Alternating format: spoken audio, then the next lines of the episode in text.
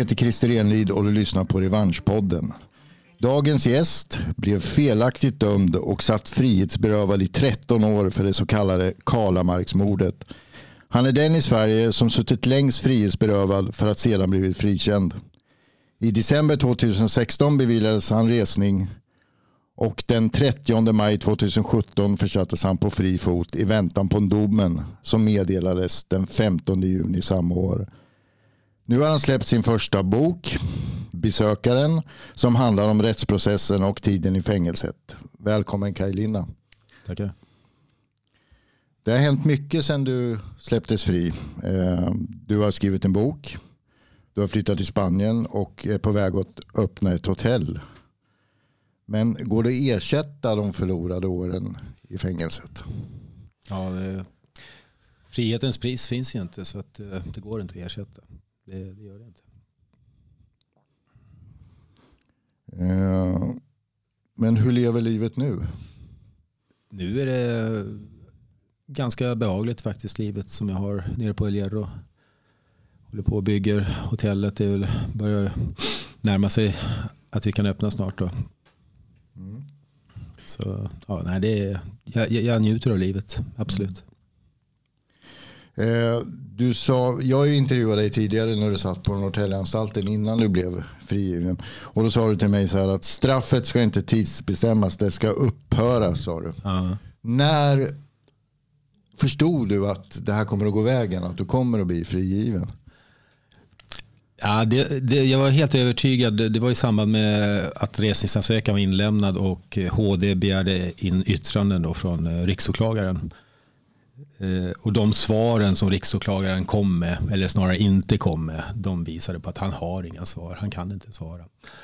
Där visste jag, nu är det klart.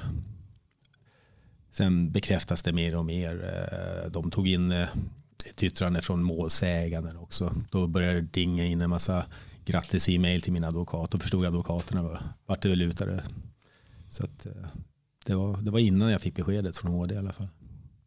Men du lyckades hålla liksom humöret uppe under så lång tid, i 13 år och veta att man är oskyldigt dömd. Det, det är starkt gjort. Det är nog inte många som skulle klara det. Ja, jag vet inte. Jag, jag, tyckte jag gick den lätta vägen. Men eh, det kanske är, okej okay, det, det kostade ju på. För det varit ju lite, varit mycket konflikter med kriminalvårdens personal. Så det vart ju mycket knall och isolering och sånt där. Men det, det var ju priset. Men det tyckte jag det var värt, absolut. Eh, du vägrade att få straffet tidsbestämt och det var av den anledningen att du visste att du var, du var oskyldig. Och, men om du hade om du hade fått, om du hade gått med på att få ditt straff tidsbestämt, då hade det varit kört sen. Då hade du aldrig fått någon resning.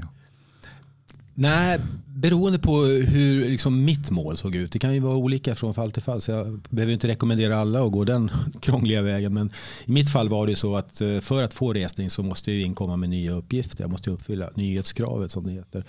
Och eh, att vara på utsidan och presentera nya bevis, det är inte lätt. Va? För det, åklagaren säger ju bara det där har du hittat på själv, det där har du påverkat vittnet, det där har du orkestrerat. Och då, alltså det, blir ingen, det blir ingen resning. Då. Det, jag såg att det, det, det är så det kommer att gå. Va? Så att, jag har ju sett andra fall också där folk har, eh, alltså från utsidan, att de har, de har släppt som straffet och sen kommer de med ny bevisning. Och då säger åklagaren direkt, det där, det där har han hittat på själv. Så jag vill inte gå i den fällan helt enkelt.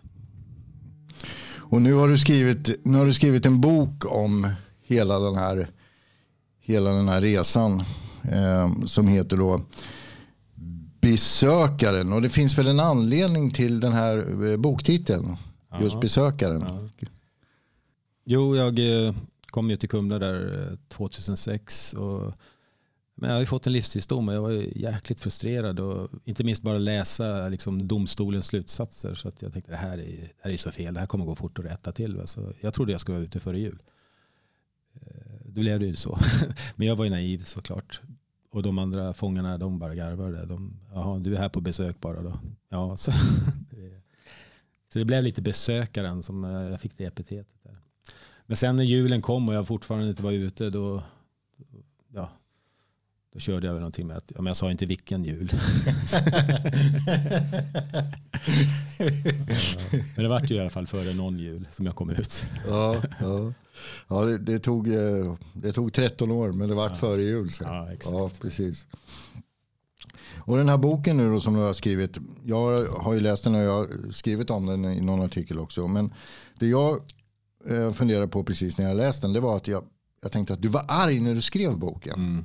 För det, den är ju väldigt rak, den är tydlig och, och, det är inga krusiduller utan du kör. Men var du arg? Alltså då när jag skrev boken då kom ju de här känslorna tillbaks. Så det, jag var ju egentligen inte arg då, men då var jag en fri man. Och sådär. Men, eh, men under hela fängelsevistelsen så, så det var ju den dominerande känslan, alltså ilskan. Va? Eh, och det var ofta som jag tänkte tack ska ni ha kriminalvården för att ni håller mitt hat vid liv. För det är det som, det är det som håller mig vid liv. Liksom. Så ilska var nödvändigt där inne. Att hela tiden kunna liksom konfrontera kriminalvården med deras jäkla konstiga grejer. Va? Det, som till exempel på, på Norrtäljeanstalten skulle jag inte ens få läsa Dagens Nyheter. Vad är det för jävla skitsnack? Liksom? Det är klart man blir förbaskad. Eh, många fångar har ju inte den här möjligheten att, att, att, att, eh, att konfrontera kriminalvården för att de, man blir ju straffad. Va? Och en livstidare, herregud, en varning. Det blir, det blir år pålagt för en liten varning. Va? De får år för det. Va? Så att, eh, ja. Men att du blev eh, behandlad på det sättet, handlar det om att det var på grund av att du inte, att du inte, du gjorde inte som de sa och du följde inte gängse regler egentligen? Eller vad var anledningen till att du blev? Alltså, någonstans inom mig så hade jag hela tiden min egen eh, integritet. Alltså friheten, den bär man ju med sig var man än är. Och även in i fängelset så kan man känna sig väldigt fri. Va? Eh, och jag gjorde inte som de sa. Jag menar, herregud, jag, jag ställde inte upp på deras krav. Det var väl det som var eh, urinprov och arbetsplikt och sådana här saker. Så att, eh, det var väl där konflikterna låg. Va? Det var inte så att jag ville måla om min cell och sådana här lite mer utsvävande grejer. Mm. Om du själv skulle beskriva lite vad boken liksom handlar om för de som inte har läst den. Hur skulle du själv beskriva den? Ja, det är väl eh, kanske tre grejer som, eh, som, som jag belyser. Dels eh, fängelsevistelsen. Att leva i en sån här konstig subovärld helt enkelt. Alltså en absurd värld. Där svart är vitt och allting är liksom upp och ner. Va? Eh, sen eh, naturligtvis mitt, mitt fall, alltså alla turerna kring det. Det blir lite grann som en, för mig var det ju som en direktivgåta nästan att försöka förstå händelseförlopp och rekonstruera, hitta nya bevis och så vidare. Så för mig var det lite grann lite direktivarbete. lite spännande på det viset faktiskt. Och framförallt då liksom att de kom alla de här pusselbitarna som, som jag saknade för att själv förstå vad som har hänt. Så de kom ju slag i slag och genom åren så blev bilden väldigt tydlig, för mig i alla fall. Och sista pusselbitarna kom ju alltså under rättegångsförhandlingarna. Då, då var hela bilden solklar för mig. Mm, under, under den sista vändan? Mm, ja, den sista resningsrättegången. Ja. Men sen eh, som tredje, alltså, lite belysning över samhället i stort. Alltså hur det, hur det fungerar med rättsväsendet framförallt. Mm. För jag vet att du är en av dem som också vill att man ska ha ett särskilt, ett oberoende resningsinstitut. Mm. Och du har kämpat för det, eller fortsätter att kämpa för det? Ja, så fort jag får chansen. Det är en av anledningarna till att jag sitter här och pratar med er idag.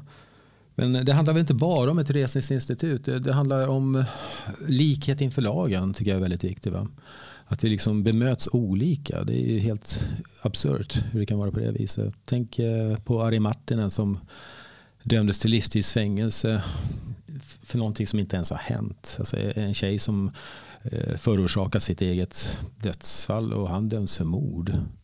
Och anledningen till att han döms är ju solklar. Det är för att han är alkoholist. Det är därför han döms. Så att, eh, avsaknaden av likhet inför lagen är ett stort problem i Sverige. Och det gör ju att folk tappar förtroendet för rättsväsendet. Va? Och sen eh, tycker jag att det här eh, uh, tjänstemanna biten, alltså de måste ju för fasen ta ansvar för sina klavertramp. Det, det tycker jag är normalt. Det får ju alla andra i sina yrkesroller göra. Så varför ska inte de behöva göra det? Så jag skulle vilja att man återinför ett tjänstemannaansvar. Den åklagare som satte dit mig, han jobbar fortfarande som åklagare. Jag tror inte han har ändrat sin stil. Jobbar alla, hela polisstyrkan också kvar där uppe? Många av dem har ju gått i pension då, för att de var till åren. Men, eh, men eh, som till exempel åklagaren som, som satte dit mig. Men han blev polisanmäld av en annan åklagare. Och det utreds av den här interna enheten för ja, interna mål som det heter nere i Malmö. Ja, men där ser jag ju hur tio åklagare samarbetar för att verkligen se till att han inte behöver ta ansvar. Så att de, de segar ju på det där så att eh, de, de, de når fram till preskriptionstiden. Alltså, alltså den här eh, tiden när ett brott preskriberas.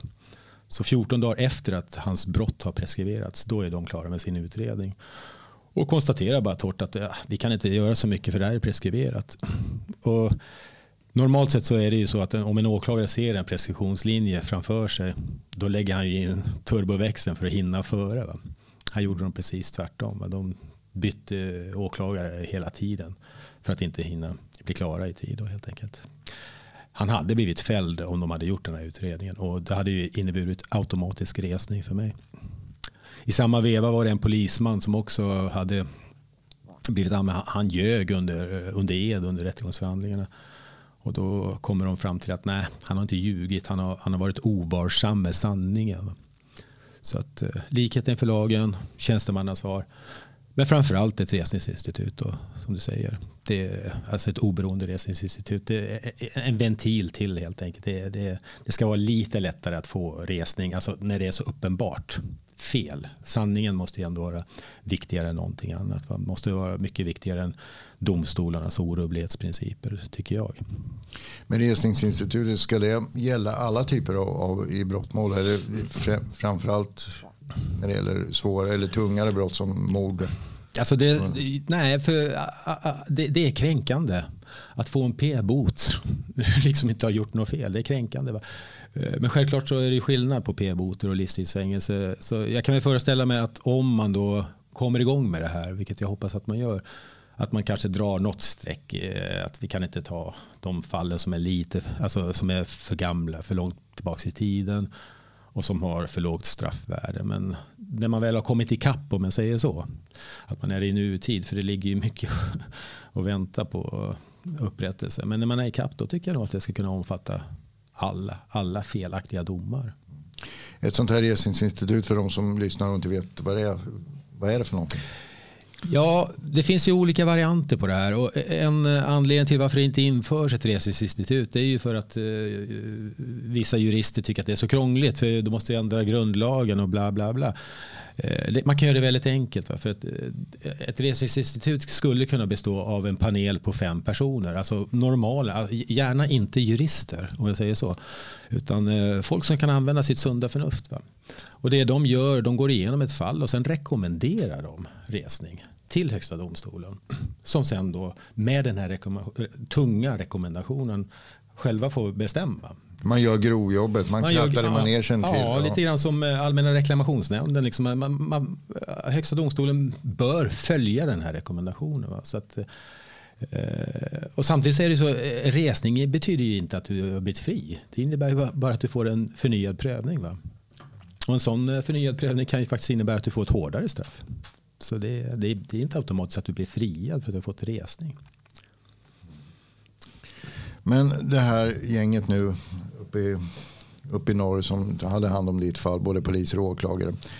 Eh, har du fått någon form av ursäkt eller någon form av... Har det, är allting bara som vanligt? Har man bara lagt locket på efter allt det här? För det här, det här är ju trots allt, jag menar, det är, det är ett riktigt rättshaveri. Det kan väl alla slå fast att det är det ju.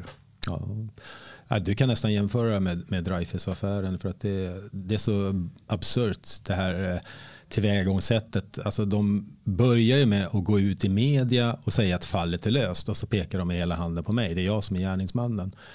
Och att därifrån gå vidare och göra en utredning eh, förutsättningslöst det är omöjligt. Så det de gjorde det var att de låste in mig i en cell med fullständiga restriktioner och sen satte de igång och fabricera all den här stödjande bevisningen som behövdes. För att komma undan helt enkelt? Ja, för att få mig fälld. Så att, så att de inte behövde stå liksom och säga att ja, vi hade fel som gick ut i media. Eh, pratar man med dem idag så säger de bara nej, de vill inte prata. De, vill inte, de, de minns inte och det där är så långt bak i tiden. Och så det, det är det enda kommentaren man får. Mm. Finns det någon, har de hittat någon annan gärningsman eller är det någon annan som är misstänkt för att ha gjort det här? Vet du det? Ja, alltså det märkliga är ju att jag dömdes ju på en mans ord och ingenting annat. Och eh, den mannen satt ju inne med eh, man säger upp, upp, uppgifter som bara är någon som är liksom involverad i brottet kan känna till. Så varför man inte går vidare med honom, det, det, förstår jag inte alls. Han var ju deras stjärnvittne, så det kanske är det som är anledningen. Men han har ju uppenbarligen... Var det han som vittnade mot dig? Ja, ja. Han har ju uppenbarligen eh, väldigt djupa kunskaper om vad som egentligen hände. Men, men honom har man inte gått vidare med? Nej. Och ingen annan heller? Nej, nej, nej. Det, det är tyst som i graven. Mm. Ja, det, det, är ju minst sagt märkligt. Det måste man ju få lov att säga. Hur, hur går du vidare nu? Förutom att du är nere i Spanien, du ska öppna ett hotell och, och så. Hur, vad har du för planer? Jag vet att det var, var det inte en skorpionfarm du pratade ja. om? Hur gick det med den förresten? Ja, Grejen när det gäller alla mina tokiga idéer är att jag kanske inte ska prata så mycket om dem innan de realiseras. jo, det får du jättegärna ja. berätta. Det här med att öppna skorpionfarm, det tyckte jag kändes väldigt eh, intressant och spännande där och då. Nu när jag är nere på El Hierro så inser jag att eh, blir det en skorpionfarm så blir det någon gång i framtiden. Va? För att det, det, är inte så lätt eh, att ta in en, en, en ny eh, fauna till exempel på den här ön och, och så vidare. Så att det behövs mycket licenser och tillstånd och så vidare. Det är en bra affärsidé, det är det ju. Men jag vet inte om jag kommer att göra det. Men jag har, jag har massa projekt på gång så att jag har fullt upp ändå. Nu håller jag på och skriver en, eh, en, bok, eller en, bokserie på fem böcker och den första ska vara klar nu till midsommar redan. Så att, eh, det är mycket jobb med det då. Och sen har vi då hotellet som sagt. Mycket jobb med det. Och sen eh, jobbar jag lite med Thomas Magnusson, min advokat. Vi ska ha in en resningsansökan på Ari Mattinen. Och den här gången känner vi verkligen att det här kommer att gå vägen nu. Så han kommer att få resning. Och han är ju släppt från sitt fängelsestraff. Eh, det betyder inte att han är fri. Han har ju kvar delen och stämpeln mördare och skadestånd och allt vad det är. Men han, han är ju utanför fängelset i alla fall. Men han ska ju absolut ha resning. Det, det, det, det går inte att komma ifrån. Va? Så det är väl de grejerna som jag engagerar mig i just för tiden. Då. De här böckerna, den här serien böcker, mm. vad, vad, ska de handla om? Det är en science fiction eh, berättelse som eh, handlar om eh, en, eh, en ung grabb. Han är ung när det här börjar. Han är 15-16 år. Han är en väldigt begåvad hockeyspelare.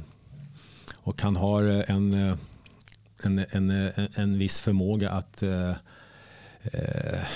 alltså det här är ju väldigt, jag försöker ju förklara det här på ett vetenskapligt sätt. Det är ju science fiction, det är, det är ju ingen saga. Va? Liksom den här konflikten, alltså, är det ens möjligt att resa i tiden? Och, och sådär. Men han, han kan resa i tiden, I, inte frivilligt. Han kan inte trycka på en knapp och säga nu vill jag åka till 1677. Men han sugs in i någon tidsmal och, och hamnar på samma plats som han befinner sig men tusen år bak i tiden. Och han bor ju då i Rochester, New York, vid Ontariosjön.